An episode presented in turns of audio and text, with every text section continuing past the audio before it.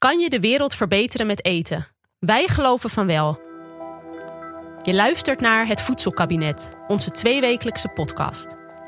Wij zijn Helen Kranstauber en Samuel Levy. En samen stonden we aan de wieg van de Youth Food Movement. We richten het Food Film Festival op en begonnen ons campagnebureau Food Cabinet.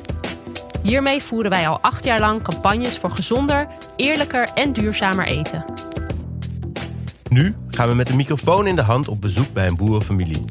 Proberen we zelf een week lang vegan te eten en onderzoeken we wie de macht heeft in ons voedselsysteem. We laten zien dat het echt anders kan.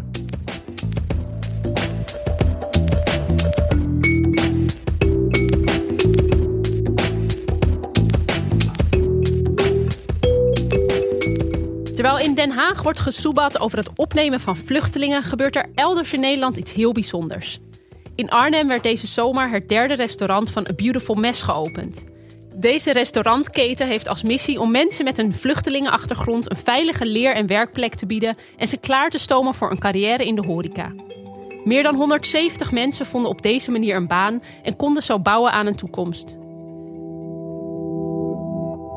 In deze aflevering gaan we meer horen over dit bijzondere initiatief. We praten met kookboekenschrijver en een chef bij Beautiful Mess, Marijn Tol. En ik ga baba ganoush maken met chef Ayman in Arnhem. De laatste keer dat ik baba ganoush at, werd het gemaakt door uh, twee vrienden van me. Twee mensen die een tijd lang bij mijn ouders in huis hebben gewoond. Ze kwamen uit Irak, uh, Monjit en Ahmed. En die zijn uh, eigenlijk in een soort van tussenfase tussen een AZC... en dat ze naar hun eigen huis konden gaan... Kwamen die bij mijn ouders om een beetje te kunnen wortelen in de Nederlandse community, de Nederlandse maatschappij. Om Nederlands te leren, om nou ja, echt een beetje een netwerk op te bouwen.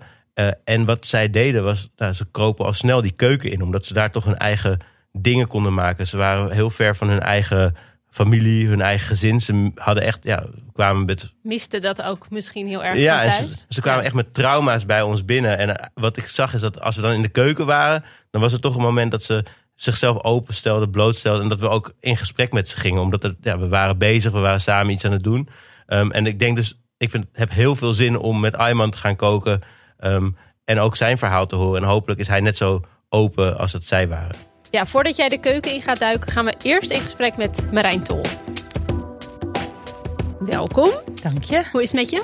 Goed. Ja? Ja. Marijn Tol uh, is kookboekenschrijfster, onder andere van kookboeken Arabia en haar nieuw uitgekomen kookboek Beirut. En ze is chef bij het restaurant A Beautiful Mess, waar Samuel gaat koken met Ayman. Ja, Marijn is een van de allergrootste voedselfanaten die ik ken. Dus ik ben vooral heel erg benieuwd wat eten voor Marijn betekent. Eten zijn voor mij, is eigenlijk voor mij de geschiedenis van mensen ik vind eigenlijk ieder recept is een soort van verhaal uh, wat gaat over mensen. En voor mij betekent, ja, eten is gewoon cultuur. Ja. En een heel belangrijk onderdeel van cultuur. En jij bent heel bevlogen. Waar komt dat vandaan? Ik bedoel, hoe ben jij soort van begeisterd geraakt ook door dat, door dat eten en dat koken en het maken van zoveel kookboeken ook? Ja, ik, die vraag krijg ik natuurlijk heel vaak. En ik stel hem mezelf ook heel vaak wanneer dat en waarom dat is begonnen. Ik weet het eigenlijk niet precies. Ik weet wel dat vanaf het moment dat ik, dat ik uh, op mezelf ging wonen en ik om me heen de Turkse Marokkaanse winkels zag en dat ik daar alles, uh, alle geuren en alle ingrediënten zag, dat ik toen dacht met de mensen erbij van bij deze mensen wil ik horen. En dit is wat ik lekker vind. Het is heel organisch vanzelf gegaan. Denk je ook dat je via eten je tot een bepaalde groep kan uh, verhouden? Of dat je erbij Zeker, kan gaan horen? Zeker, want ik merk echt, als ik voor mijzelf spreek, dat ik, ik ben die keukens gaan koken. En ik ben daardoor die keukens die mensen uh, gaan kennen. En dat was echt dat is een soort taal. En ik merk nu, als ik kijk naar hoe ik me verhoud tot de mensen in, nou ja, dan Midden-Oosten en de Arabische wereld, waar ik vaak kom, en met name dan in Libanon, dat ik door het eten vinden zij direct dat ik daar ook hoor. En dat is eigenlijk een soort van, daar hoeven we helemaal niet over te spreken. Ja. Dus eten is voor mij echt wel een taal om je uit te drukken wie je bent. Kan je ook uitleggen hoe je dan mensen kan gaan begrijpen via eten? Nou ja, eten maakt een, schept een opening. Zodra je samen gaat koken of over eten gaat spreken, wordt het heel persoonlijk. Dus je kunt eigenlijk nooit meer in abstractie met elkaar praten. Je komt eigenlijk gelijk tot de kern waar het in het leven om draait. En het maakt ook een soort van gelijk, maakt je heel erg gelijkwaardig. Marijn werkt bij The Refugee Company. En dat is een organisatie die mensen, statushouders in Nederland, uh, een kans biedt op een, uh, op een fijne werkplek hier in Nederland. En onderdeel daarvan is A Beautiful Mess, een uh, restaurantketen met inmiddels drie vestigingen. Waar mensen kunnen leren hoe het is om in een professionele keuken te werken. Dus worden opgeleid tot chef. Nou ja, de Refugee Company, ik ben altijd heel slecht in jaartallen, maar volgens mij is het in 2015 ontstaan. Ik ben denk ik rond 2016 uh, daarmee in aanraking gekomen dat ik eigenlijk uh, toen alle Syriërs kwamen, toen heb ik een aantal AZC's gebeld van goh, ik ken die mensen wel, kan ik er kan ik jullie helpen of kan ik iets doen met ze koken of eten. Dus dat ben ik toen gaan doen en toen ben ik via die weg ben ik een Syrische eh, man een beetje gaan coachen, Ziad. En die zat ook weer bij de Refugee Company. Zo heb ik Fleur ontmoet. En Fleur is een van de oprichters van de Refugee Company. En zij wilde gewoon, eh, denk ik, vanaf het moment dat die, die grote toestroom van um, mensen naar Europa kwam, wilde gewoon gelijk daar iets tegenover zetten. Omdat eigenlijk ons asielbeleid natuurlijk heel inhumaan is. En nou ja, dit is eigenlijk een manier om mensen te ondersteunen en het gevoel te geven dat ze er weer bij horen, dat ze meetellen en dat ze gewoon hun kwaliteiten kunnen inzetten. Nou ja, eh, zo eh, is er dus dat soort van opleidingsinstituut ontstaan in de, in de vorm van de keuken, waar mensen getraind worden. Uh, eigenlijk in de vorm van de bar, waar mensen een barista training volgen. en een naaiatelier. Hoe vonden de mensen het daar dat jij eigenlijk het menu ging bepalen? Want je hebt daar, ik ben er laatst geweest. Eh, er staan Syrische gerechten, een beetje Libanese gerechten, denk ik, op de kaart. Er werken ook Syrische en Libanese mensen. Ook Iraakse ja. Hoe kom je dan met elkaar overeen wat het recept is? Nou ja, dat is natuurlijk het leuke. Ik was natuurlijk wel, ik, ik werd gewoon wel echt aangesteld als de creatieve chef. Dus ik mocht het gewoon bepalen. Dus dat was heel dan hoop. Is er ooit discussie geweest? Nou ja, het is natuurlijk, ik ben daar, ik hou daarvan. Kijk, mensen uit het Midden-Oosten vinden sowieso altijd dat hun versie de beste is. En dat vind ik ook. Dus ik snap het volledig. Ik vind dat ook. Dat is echt heel. Uh, dat hun versie het beste is, ja, dat jouw versie de beste is. Iedereen vindt zijn eigen versie het beste en de, de enige weg. Ja. Dus, uh, maar goed, ik mocht het bepalen. Dus toen moesten ze wel mijn recept gaan koken. Um, en ja, dat was eigenlijk gewoon heel leuk. Want zoals het vaak dan gaat, dat heb ik al zo vaak meegemaakt. Want ik heb natuurlijk veel in het Midden-Oosten ook gekookt. Dan wordt er eerst al gekeken van, nou, wat is dat? Nou, dat doen wij nooit zo. Nou, dat, wat kan? Wat? Nee, dat kan. Nou, het ongeloof. Ja, nou, en dan gaan ze het proeven. En dan, dan is het toch, ja, niet om nou zeg maar mezelf een veer in de ding. Maar dan toch is het vaak van, ja, maar je, je snapt het echt. Ja, dit is echt, ja, dit is het wel echt. en wat voor mensen staan er allemaal daar in de keuken? Zijn het ook echt mensen die al een horeca-achtergrond hebben? Die, we gaan ook met Ayman, jij gaat met hem koken, Sam. Later in de, in de aflevering. Die ook echt een eigen restaurant heeft, uh, heeft gehad en bestiert. Hebben mensen al die culinaire achtergrond? Of moeten mensen ook echt vanaf nul starten? Sommigen hebben wel ervaring, maar ook heel veel niet. Maar ja, ze komen natuurlijk wel allemaal uit landen met een eetcultuur. Dus ze hebben allemaal een feeling ervoor. Uh, een van mijn favorieten in de keuken, die ook tot het vaste team behoort, is Tame. En uh, die komt uit Eritrea. En die wil juist deze keuken leren, omdat hij zegt: Ja, die Eritrese keuken, die ken ik al. Uh, en hij vindt het dus superleuk om nieuwe dingen te leren. Ja. Nou ja, en, uh, en dat, is, dat is sowieso het leuke. Ik ben natuurlijk de, de chef, dus ik bepaal het. Maar ik vind juist die invloeden van mensen als een goed idee hebben, natuurlijk alleen maar heel erg leuk. Zo kan die keuken groeien. Het de enige is het dat er moet een beetje eenheid blijven tussen de verschillende restaurants. Dat we gewoon een consistent, een consequent menu hebben waar overal op dezelfde manier gekookt wordt. Maar uh, ja, met Ayman zit ik bijvoorbeeld, dat is de chef in Arnhem, uh, heel erg op één lijn. We houden echt van hetzelfde soort eten. En van het smaak en structuur en gelaagdheid in smaak en, en textuur. Nou, het gerecht wat, wat jij met hem gemaakt hebt. De baba ganoush, wat toch een, echt een aloude klassieker is. Maar ook daarin zijn weer zo ontzettend veel variaties. De manier waarop hij hem maakt, met die rode ui fijn gesneden erdoor. Wat het net frisser en knapperiger maakt. En dan de walnoten over, vind ik zo te gek. Dat is helemaal in hoe ik het ook zou doen. Ja, en hij maakt bijvoorbeeld ook shawarma met uh, sinaasappelschil en yoghurt. Nou, dat is helemaal een kolfje naar mijn uh, ik kon, Ik kon niet wachten tot ik die uh, kon dus, gaan proeven. Nou, dus dat is zo leuk. En ja, dat, is, dat zijn natuurlijk de kruisbestuivingen die je wil. Ja, wat ik me wel afvroeg, hè, want het verhaal van Ayman is best wel heftig. Daar gaan we zo ook even naar luisteren. Um, ik wil dan nog straks ook wel met je bespreken van wat voor invloed dat heeft op hoe jullie werken. Want er zijn mensen die echt heftige dingen hebben meegemaakt. Ik kan me voorstellen dat er ook spanning in de keuken oplevert. Maar laten we eerst even naar Ayman's verhaal luisteren en dan kunnen we daar zo over hebben.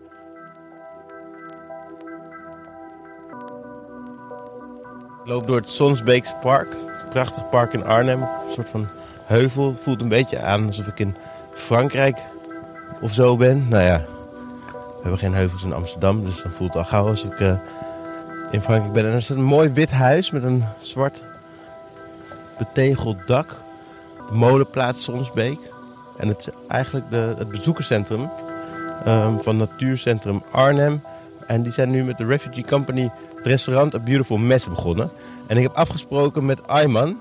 En ik geloof dat hij hier... eh, ja, er komt iemand aangelopen in een mooi Beautiful Mess. Hey Ayman, Hi, welkom in ons restaurant. Hi, uh, Somael. dankjewel. Kom binnen. Hallo. Het is eh, mooi hier. ja, ja, ja. Eh, wij hebben hier een mooi restaurant. Wat vind jij? Ik vind het heel mooi. Houten balken zie ik en er hangen, het is een beetje groen. Planten, heel veel planten. En, en jullie zijn hier hoe lang al open? Eh, van twee, eh, ongeveer van twee maanden geleden, ja. En wa- waar kom je zelf vandaan? Ja, ik kom uit Syrië. eh, in hoofdstad Damascus. En ben je hier al lang? Of...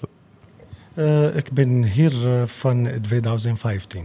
En kan je me vertellen, oh, want je bent uit eh, Syrië gevlucht, denk ik. Want in 2015 was nou ja, midden in de oorlog in Syrië. Hoe ben je hierheen gekomen? toen ik in Syrië van eh, 2012, eh, 12, ja, ik heb daar een grote restaurant, mijn eigen restaurant. Hij heet uh, Sheikh El Kar. Eh, en dan ik heb daar ook een groot thuis, ik heb auto, ik heb eh, 15 personen werkt met mij. En dan wij hebben eh, daar eh, oorlog. Ja, mijn, mijn thuis gaat kapot, mijn restaurant gaat kapot. Ja, alles gaat kapot. Ik heb niks. Ik heb eh, geen veilig voor mij, ook voor mijn kinderen. Daarom ik ga naar eh, Jordanië met mijn gezin. Eh, en dan eh, in Jordanië, ik heb eh, een klein restaurant ook.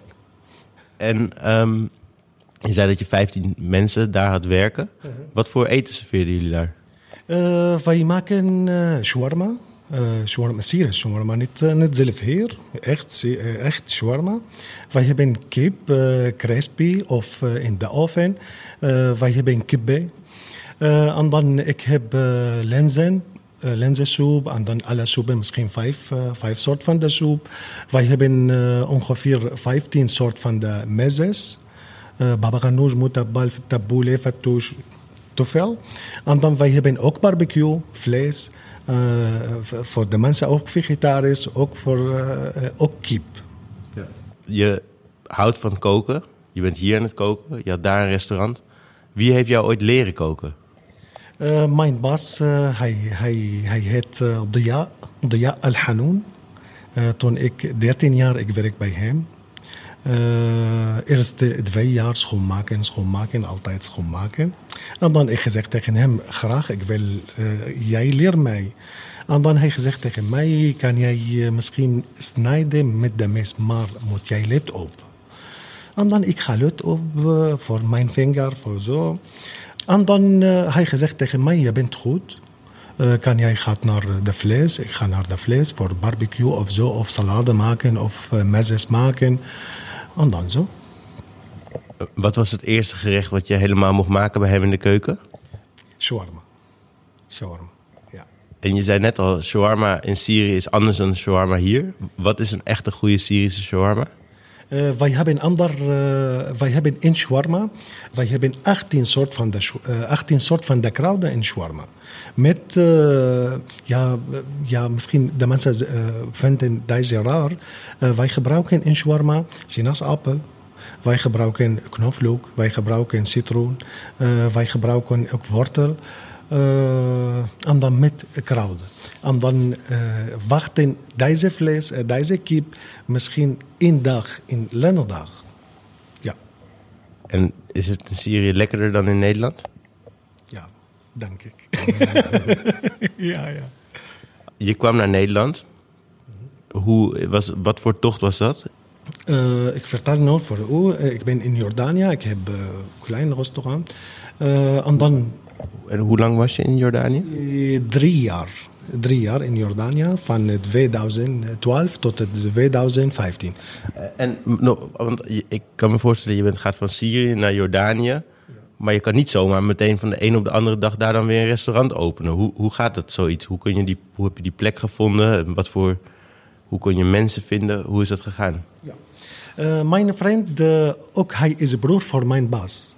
Eh, hij, hij, is, hij heeft deze restaurant, El Kibbe Shami, hij heeft een heel klein winkel, een klein restaurant. Hij gezegd tegen mij, kan je iemand met mij werken hier? Als eh, jij vindt leuk, kan jij verder met mij. Als niet leuk, kan jij gaan naar een ander land of zo. En dan, ik heb met hem gewerkt. Ja, zo. Waar kwam je aan in Nederland? Ik kwam van Turkije vliegen naar, eh, eh, van Jordanië vliegen naar Turkije. Eh, en dan van Turkije met de boot, boot naar Griekenland. En dan eh, nu, wij hebben verschillende vervoer. Soms lopen. Wij lopen ongeveer 18 kilometer met mijn kinderen. Ja, dit is heel moeilijk, koud. Eh, mijn voet, altijd bloed voor mijn voet. Mijn kinderen altijd koud, hebben koud. Eh, ja, dit is heel moeilijk. Eh, eh, ja, wij hebben daar. Oh. Ja, moeilijk, moeilijk, heel moeilijk. Ik, ik, altijd, ik herinner me met mijn, mijn, mijn kinderen een klein beetje houden. Ja, dit is niet zo leuk voor ons. Nee, ik zie ook dat je heel geëmotioneerd raakt als je dit vertelt. Ik denk dat het voor heel veel mensen heel abstract is. Dat de mensen in Nederland die zien af en toe iets op televisie, maar hebben eigenlijk geen idee ja, hoe moeilijk dat is geweest.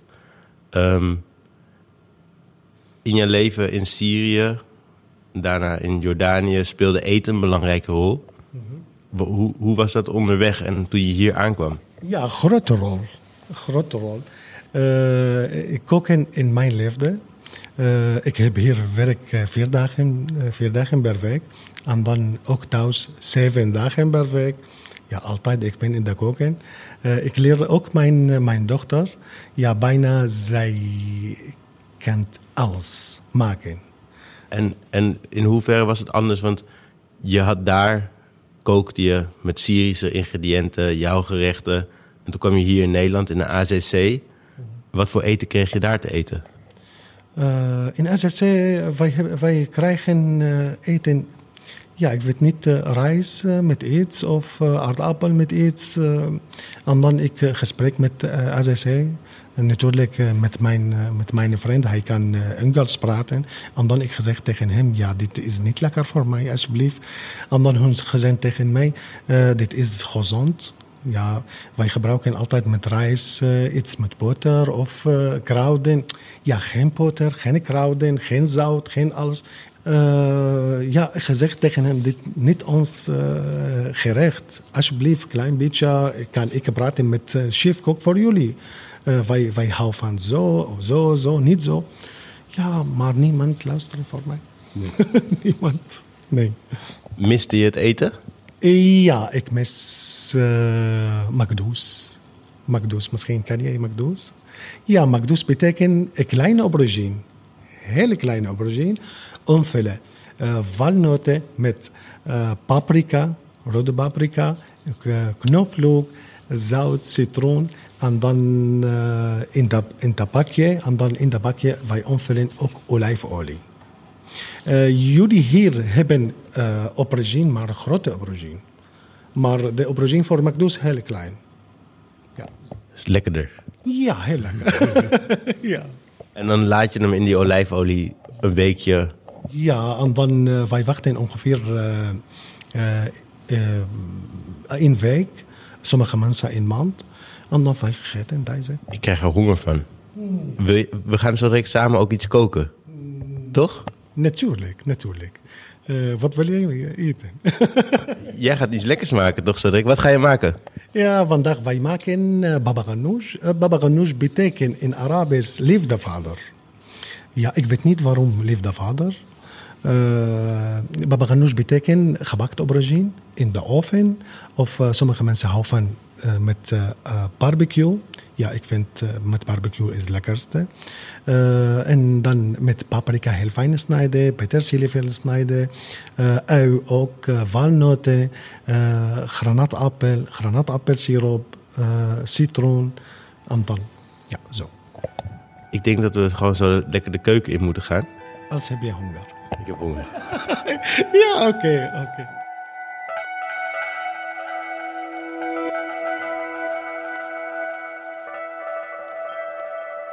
We horen eigenlijk Ayman vertellen over iets wat wij helemaal ons niet kunnen voorstellen. Zo'n vlucht en dan dat je hier aankomt, niemand kent, geen contacten hebt.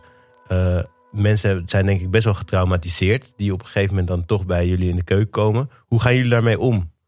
Ik probeer zelf altijd heel erg af te, af te tasten of iemand wil, daarover wil praten. Ik, ga, ik vraag nooit zomaar hoe ben je hier gekomen en wat is er allemaal gebeurd. Dat vraag ik nooit aan iemand. Ik wacht gewoon tot ze zelf spreken. Maar je merkt wel dat sommige mensen gewoon heel graag willen praten. In ieder geval over hun familie willen praten. En soms ook vertellen hoe dingen moeilijk zijn met de IND. En dat vraag ik dan natuurlijk wel gewoon eh, geregeld van... Goh, hoe gaat het? Uh, heb je al, ik hoop dat het gaat lukken. Of kan ik je helpen met iets? Terwijl wij in de studio zitten, wordt er natuurlijk uh, druk gesproken over een hele grote groep vluchtelingen die nu op Griekenland uh, ja, in Moria zat, afgebrand vluchtelingenkamp. En er wordt nu gezegd van ja, waar moeten die mensen heen? Is dat iets waar jullie met in de keuken over hebben? Of waar binnen Refugee Company en uh, Beautiful Mess veel over wordt gesproken. Zeker, uh, zeker binnen de Refugee Company en binnen Beautiful Mess. En we doen nu deze maand dus die actie voor Beirut. En we willen nu maandelijks een actie gaan doen. Ja. Uh, en de volgende actie willen we heel graag, dus nog niet officieel. Ze kan het nog niet helemaal je zeggen. Maar nee. het is een goede kans dat dat Moria wordt. Ja. Ik vind de hele vluchtelingenproblematiek is natuurlijk iets wat al jaren speelt. En er, waar kampen ook echt tegenover elkaar in staan. Maar het is ook wel iets waarvan we kunnen verwachten dat het gewoon uh, alleen maar meer gaat worden naarmate, klima naarmate klimaatverandering ervoor zorgt dat uh, boeren op, in delen van Afrika geen voedsel meer kunnen produceren. Ja. ja. mensen gaan natuurlijk wegtrekken en, en zullen gaan kijken waar ze kunnen gaan leven. Is, hebben we een soort van. Hebben jullie een idee van wat de juiste manier zou zijn voor een overheid om daar naar te kijken? wordt altijd gezien als het vluchtelingenprobleem. Maar misschien zouden we het kunnen omkeren en meer kunnen denken in een. Nou, dit is de situatie. En hoe kunnen we dat niet als een probleem zien, maar hoe kunnen we dat gaan inzetten op een manier waar we allemaal wat aan hebben? Want die mensen brengen natuurlijk ook altijd heel veel. Ja. Syriërs zijn heel erg ondernemend, dus die willen heel vaak een eigen bedrijf uh, beginnen gelijk. Dat hebben ook heel veel Syriërs al gedaan. Maar wat moesten ze van alle inburgers? Die moesten ze een baan vinden. Dan denk ik, hou nou op. Ik bedoel, deze mensen willen dus geen baan. Die willen een bedrijf beginnen. Die hadden een bedrijf en die willen nu gewoon weer een bedrijf beginnen. Stimuleer ze gewoon daarin dan. Denk gewoon breder en niet altijd in die regels en die ambtenarij. Oh, verschrikkelijk. Ik zie wel de ingewikkeldheid van, van dat je denkt van... Ja, je, je wil dat over Europa of over de wereld gelijk soort van dragen. Maar tegelijkertijd is er ook gewoon die hele menselijke kant. En dat ja, ik zie meteen van die, je gaat geen kinderen op een Grieks eiland laten zwerven. Dat is niet een oplossing. Dat voor die kinderen niet, maar ook voor de lange termijn niet. Dus er moet inderdaad iets voor gebeuren. En ik denk, om heel eerlijk te zijn, dat de wereld de komende decennia zo hard gaat veranderen. Um, dat we daar echt even wat meer uitgezoomd naar moeten gaan kijken. Want misschien, dat, we over, misschien dat we over 60 jaar zelf wel. Uh, ik zit hier in een Amsterdamse keldertje. Ik weet niet of dat uh, over 60 jaar nog. Uh, ja, waar wij dan heen gaan. Dus ja, ik denk dat het gewoon wel een groter perspectief nodig heeft. Even terug naar, uh, misschien even terug naar het eten. Ja. Oh, ja. Uh, ook een, uh, ook een mensenrecht, waar we allemaal heel erg van houden. Um, maar ik dacht misschien even naar, de, naar het koken. Want jij hebt met Ayman in de keuken gestaan. Ja. en hij heeft dus ook zijn hele eigen restaurant gehad. nu wel ingezoomd op één gerecht, de baba ganoush. Ja. Spreek goed uit, toch? Baba ja. ganoush als een van de baba versies. Is vast ook andere manieren om om het uit te spreken. Dat heb jij met hem gekookt? Ja, we hebben gekookt. Um, ontzettend leuk. Hij heeft een klein keukentje in Arnhem waar hij een beetje had voorbereid. En daar hebben we het in elkaar gezet. Um, Zullen we even gaan luisteren naar uh, jullie doen. poging? Dan kunnen jullie horen hoe het echt moet. precies. Eén van de manieren. Ja, precies. Eén van. Hey Ayman. Hallo. we gaan de keuken in. Ja. Jouw domein. Ja, wij zijn nu in eh, de koken, een kleine koken, maar eh, ik hou van deze koken. Jij gaat, jij gaat baba ganoush maken. Ik ga gewoon meekijken. Wat ga je allemaal in jouw baba ganoush doen? Eh, wij hebben hier nu alle binnen in de uh, aubergine fijn snijden. Ja. En dan wij hebben hier peterselie. Eh, wij hebben hier paprika. Wij hebben hier ui. Wij hebben hier tomaten. Wij hebben hier granaatappel. Wij hebben hier walnoten. Eh, wij hebben hier ook granaatappelsiroop. Eh, en dan zout. Heerlijk. zout. Ja, nu wij gaan... eh, Je hebt nu aubergines. ja, wij hebben hier aubergines. Eh, dit is klaar met eh, de oven. Eh wij hebben deze. Alle eh aubergine, dat wordt alles af. Ja, dus de aubergines geroosterd, denk ik, half uurtje in de oven. Eh, de 35 minuten. 35 minuten, de graden is eh 240. De aubergine is in de oven geweest, dan gaat hij helemaal verschrompelen. Ehm, en eigenlijk wordt het vlees er dan, of de binnenkant van de aubergine eruit gehaald. Het velletje wordt er afgehaald. Ja. De aubergine is fijn gesneden en die wordt nu in een vergiet gedaan. En waarom moet die in een vergiet? Eh, voor de alle water gaat weg. Ayman die gaat het vocht uit de aubergine duwen. En waarom is dat zo belangrijk? Ja, voor eh, de aubergine moet, uh, baba ganoush moet dik. Ga je zelf wel eens in een eh, restaurant in Nederland eten? Eh, ja, ja. Wat voor eten ga je dan eten? Uh, mosselen. Mosselen. Eh, ja, zo. Let op voor jouw vinger.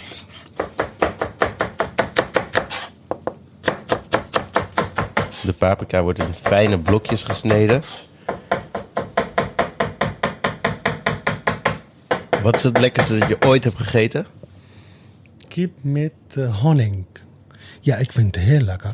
Vroeger, als jij gezegd tegen mij, eh, ik gegeten uh, kip met uh, honing. Ik gezegd, nee, dit is raar. Nee, honing met kip, ja, dit is raar voor mij. Maar ik heb gegeten, echt lekker. Heb je het zelf gemaakt? Ja, ja, ja. En hier in Nederland, ja. Ja, mijn zoon Ahmed altijd heeft gezegd tegen mij, baba, altijd, alsjeblieft, kip met... je- met ja. Houden je kinderen van baba ganoush? Ja, oh, te veel. Te veel. Altijd, ik heb babaganoush in mijn koker. Zo.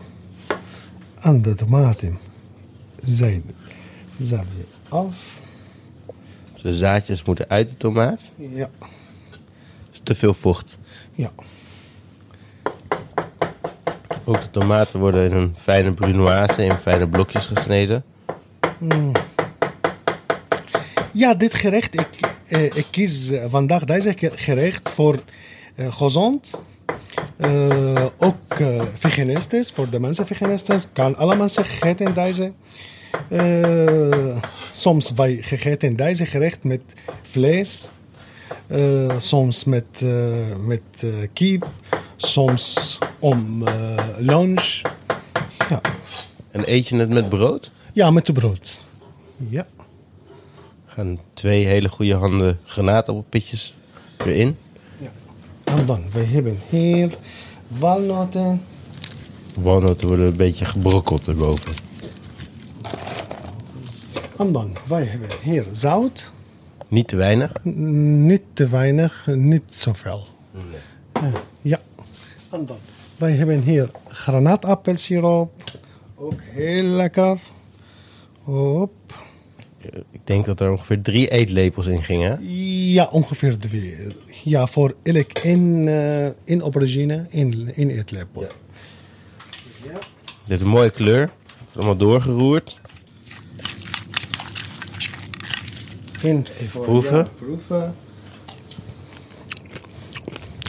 Vind jij lekker? Ik vind het heerlijk. Ja, oké. Wij zijn niet klaar. We zijn nog niet klaar. Oh, oké. Olijfolie? Ja, en dan opmaken ook. Dit is belangrijk voor mij. Ja. Ja, alles niet opmaken, niet lekker. Ja. Het moet mooi op een bordje. ja, natuurlijk. Dan moeten we een mooie foto van kunnen maken straks. Ja, Dan kunnen mensen ook nog zien hoe lekker het eruit ziet. natuurlijk. Oh ja, dus je bent met een lepel, ben je allemaal een beetje gaatjes erin aan het... Ja. Gaatjes. En dan, wij zijn niet klaar. Wij nog hebben hartje maken. Ja, Kijk, zo. ja, Snijden. ja.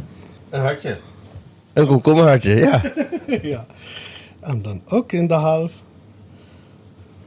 Nog bloemetje ook. Een tomatenbloem. En wij zijn klaar. Fantastisch. Ja, het is makkelijk. Ja, deze, eh, wij hebben hier ook een brood, Libanese brood. Ja. Ook wij snijden voor u. Eh, en dan, het is makkelijk.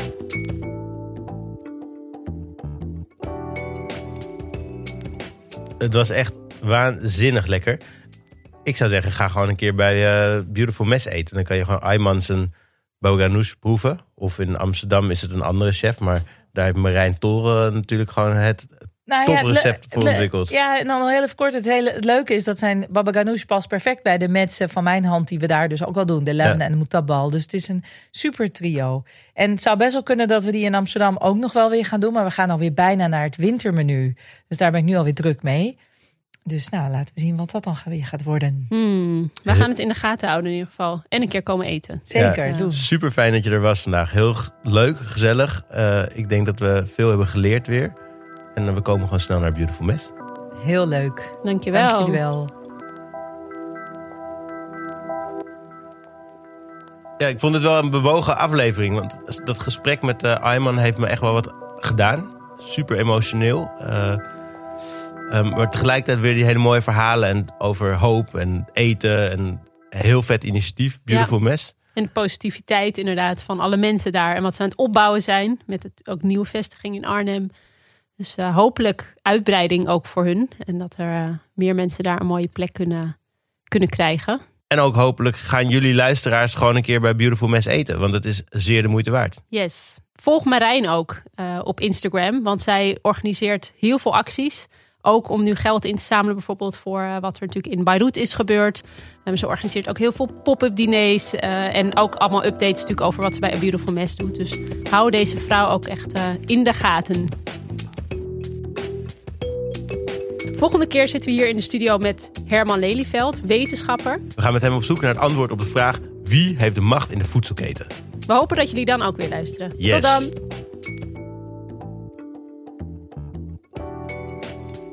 Heb jij een mooi voedselinitiatief waarmee je de wereld mooier wil maken? Kijk dan even op doen.nl. Zij ondersteunen bijvoorbeeld A Beautiful Mess, maar ook veel andere initiatieven.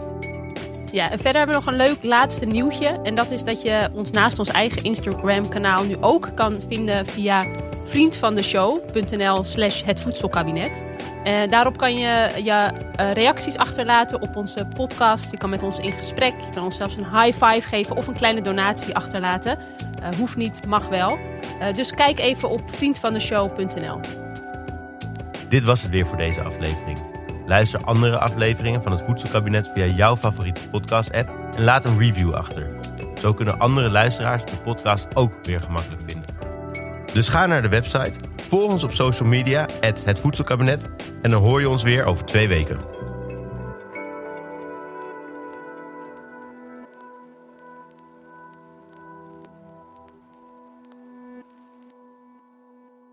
Deze podcast hebben we gemaakt in samenwerking met Dag en Nacht Media en is gesteund door Stichting Doen.